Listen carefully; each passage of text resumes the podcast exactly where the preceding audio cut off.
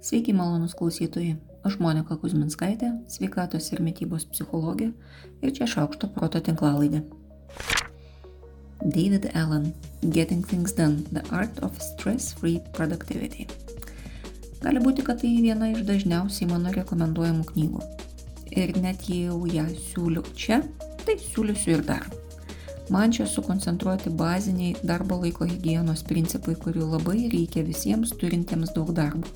O tai turbūt yra tiesiog visiems. Tušęs inboxas iki šiol yra mano didelis džiaugsmas. Net jei man atrodo, kad savo darbus aš ganau kaip border collis, bet jie manęs klauso, o ir border collio vaizdas mane džiugina. Būtinai pavartykit. Yra ir audio knygų, ir tinklalaidžių, ir šių principų evangelikų įrašykit paieškoje raidės GTD ir leiskit tvarkai jūs ištikti. Getting Things Done, David Allen knyga. Minties poskonis. Tai kaip dabar trumpai ir aiškiai aprašyti apie tai, apie ką rašomi stori vadovėliai. Galvoje įkyriai ratus suka tokia mintis ir sėdžiu, spoksodama į ekraną, liktai nusivylus, liktai sudirgus ir nerašau, nors juk žinau, ką norėčiau parašyti. Visa situacija yra minties galios, o šiuo atveju ir minties žalos pavyzdys. Kitaip tariant, tai kognityvinis modelis. Savoka kognityvinis yra kilusi iš lotynų kalbos. Lotynų kalbos žodis kognicija reiškia pažinimą, ištyrimą ir matymą. Apie kognityvinį modelį daugiausiai kalbama kognityvinės elgesio terapijos paskaitose ir sesijose. Trumpai tariant, kiekvieną kartą trileris vystosi taip.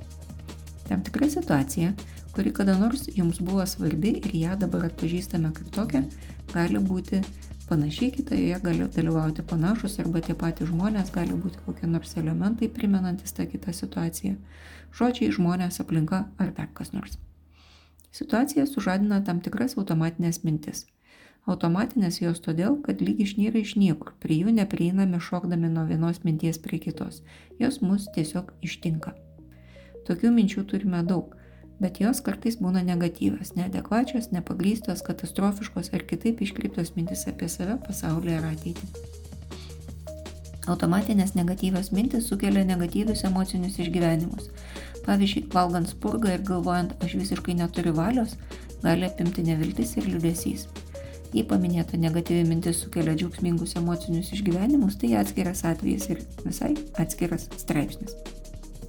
Negatyvus emociniai išgyvenimai yra netinkamo, neadaptyvus ir kitaip nenaudingo žmogui elgesio priežastis. Pavyzdžiui, minti aš visiškai neturiu valios seka nedžiaugsmingai geriamas arbatos podelis ir skambutis draugui, o likusių devinių sprukų suvalgymas ir ašaros lovoje. Turbūt logiška, pirmas variantas net kažkaip nesiklyjoja. Tai susidaro grandinėlė - situacija, automatinė mintis, emocijos ir veiksmai. Kognityvinės elgesio terapijos metu yra siekiama identifikuoti tokias žalingas situacijų, minčių, emocijų, elgesio grandinės ir jas keisti. Ieškant argumentų, mokantis naujų įgūdžių, repetuojant vertingą elgesį, pasirašant įvairius paruoštukus tam pavojingom situacijom, kuriuose dažniausiai kyla automatinės mintis ir kita. Na, tarkim, vienas galvoja, ne, imsiu tik pusę salotų porcijos, jau matau, kiek čia daug tų kalorijų, skaičiau, kad padažiai yra šimtais, net nejauti, kai valgai ir iš viso koks skirtumas, vis tiek turėjau vien pažiūrėjusi maistą. Niekada tos džinsus nebetilpsiu, kas iš viso mylės mane tokia storą. Kitas galvoja, pavyzdžiui, taip, kaip gerai, kad praėjau tas purgas ir paėmiau šitas gražias salotas, kaip gerai juose atrodo gurkėliai, jau jaučiu, kaip jie traškės tarp dantų, o vakare o vakare pasigaminsiu tos moliūgų sriubos. Tai kaip galvojat, kuris pavalgys sveikiau, nesilaikys dietų, nesiims savęs kankinti neprivalgymų, nevarstys naktį šalituvo durų ir neieškos deserto po tų pačių salotų. Linkiu pagalvoti, ką galvojat valgydami ir kokias mintis suvalgot kartu su savo maistu. Nes nuo kai kurių lieka ne pats geriausias ir ilgadienis poskonis. Asmenybės savybės dabar tyriamos retai. Man atrodo visai bereikalo, nes didėjai duomenys čia turi visai įdomių perspektyvų. Bet man vis tiek labai įdomu.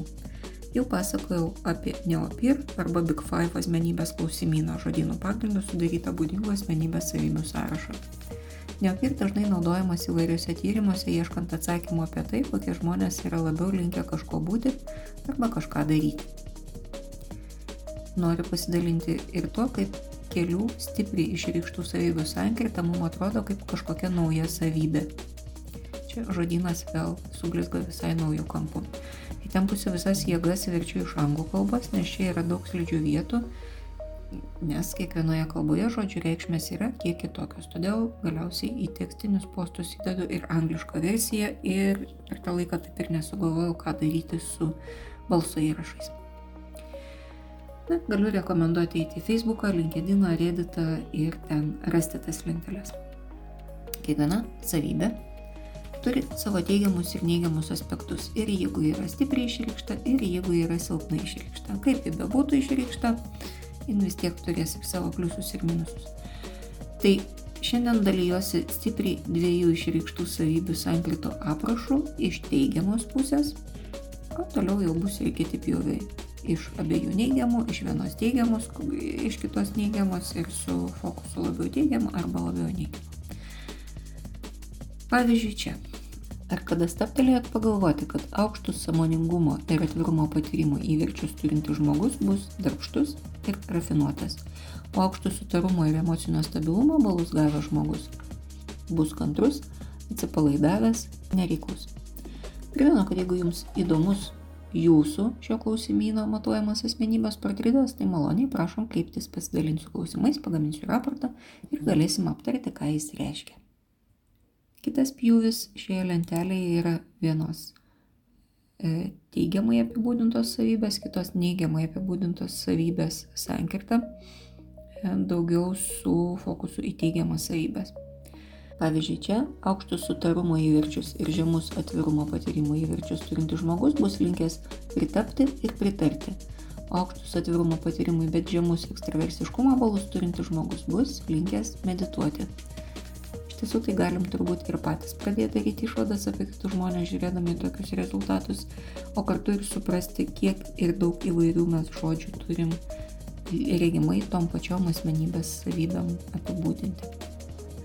Teigiamų ir neigiamų savybių sankirtui daugiau dėmesio skiriant neigiamas prasmes, būtent tų susikertančių žodžių, ne pačių savybių. E, randame štai ką gerokai mažiau įprastinių žodžių, na, tokių kaip iš žodino ir daugiau frazeologizmų, tokių kaip mule-headed. Net nežinau iš tiesų kaip išversti. E, taigi čia aukšto sutarimo ir neurotiškumo įverčius turintis žmogus mums atrodys kaip emocingas ir patiklus, o žemais neurotiškumo ir samoningumo įverčiais pasižymintis žmogus gali atrodyti patenkintas ir atsainus, ypač kai ant tokių žmonių pykstam. Bet taip neteisinga, taip nesažininga, taip negalima, šaukia vienas mano prisiminimas, kurio detalių dėl visokių priežasčių negaliu pasakoti. Tikiuosi, kad atpažįsta tokias akimirkas, kai viduje kyla esminis noras pasipriešinti ir pakovoti. Už save, už kitus, už pasaulį, už teisybę. Tai yra ženklas, kad buvo užkabintas jūsų vertybinis stuburas, jūsų pamatai, ant kurių stovite. Puiku, vadinasi, sistema veikia, vertybiniai įsitikinimai atlieka savo darbą. Vertybės mes formuojame visą gyvenimą, taip kaip moliuskas iš lėto ir kantriai sluoksnis po sluoksnio klyjuoja perlą. Kartais jas renkamės, kartais jas už mus pasirenka aplinkybės, tėvai, kultūra ir daugybė kitų šaltinių. Ar kada sustojame jas pasižiūrėti? Geras klausimas. Savo vertybių įvardymas, sąmoningo mąstymo ir vertinimo lygyje yra savaime įdomus atradimas, ypač jei jaučiatės ieškantis savęs. Todėl šiandien siūlau tai ir padaryti. Papildomai motivacijai pridedu dažnai nurodomų vertybių sąrašą. Jis nėra nieko ypatingas ar stebuklingas. Jei tik reikia, pavyzdžiui, nerandat ar nori prieštarauti, braukit ir prirašykit savo. Čia tik katalizatorius tolimesniam galvojimui. Išsirinkit 7 ar 10 vertybių, nors iš tiesų tai nėra jokio reikšmingo skaičius. Išsirinkit bent vieną. Tada užrašykit. Arba dar geriau papasakokit geranoriškam klausytojui, kodėl ši vertybė jums svarbi. Asmeniniais pavyzdžiais artimųjų istorijom, ištraukom iš knygų ar socialinės medijos, kurie jūs asmeniškai sujaudino. Venkit nuorodų kitas vertybės, į socialinės normas, į abstrakčius taip teisinga. Paieškokit, kodėl tai svarbu būtent jums.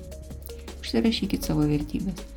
Reguliariai jas peržiūrėkit ir paklausykit, kokiomis mintimis jos aidi jūsų viduje, ką primena ir kur link motivuoja judėti. Taip pat ar norit kažką keisti. Tai yra eksperimentas. Eksperimentas yra viena iš dažnai naudojamų technikų kognityvinė elgesio terapija.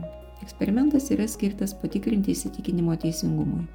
Įsitikinimai yra saliginai tvirti, bet nebūtinai teisingi sprendimai, kuriuos naudojam nekritiškai, nebetikrindami kiekvieną kartą jų teisingumą. Klaidingi įsitikinimai gali metų metais mūsų vesti neteisingų kelių, taip ir nesuprantant, kas su manim, ar su kitais, ar su pasauliu yra negerai. O eksperimentas leidžia atpažinti klaidas įsitikinime ir stovint akistatoje su nauja informacija jį pataisyti ir perkonstruoti iš naujo. Jeigu eksperimentuojate, pasidalinkit prašau savo patyrimais. Bus labai įdomu ir visiems naudinga. Šiai savaitėjai tiek. Aš Monika Kuzminskaitė, sveikatos ir mytybos psichologė. Padedu spręsti kasdienius ir sudėtingus elgesio, mąstymo ir emocijų klausimus. Rašau, skaitau paskaitas, teikiu psichologinės konsultacijas. Mane rasit socialiniuose tinkluose vardu Šaukštas Proto arba gyvai Vilniuje Goštauto gatvėje. Rašykit man asmeninę žinutę socialiniuose tinkluose arba elektroniniu paštu adresu šaukštas.proto atgmail.com. Taikos ir ramybės.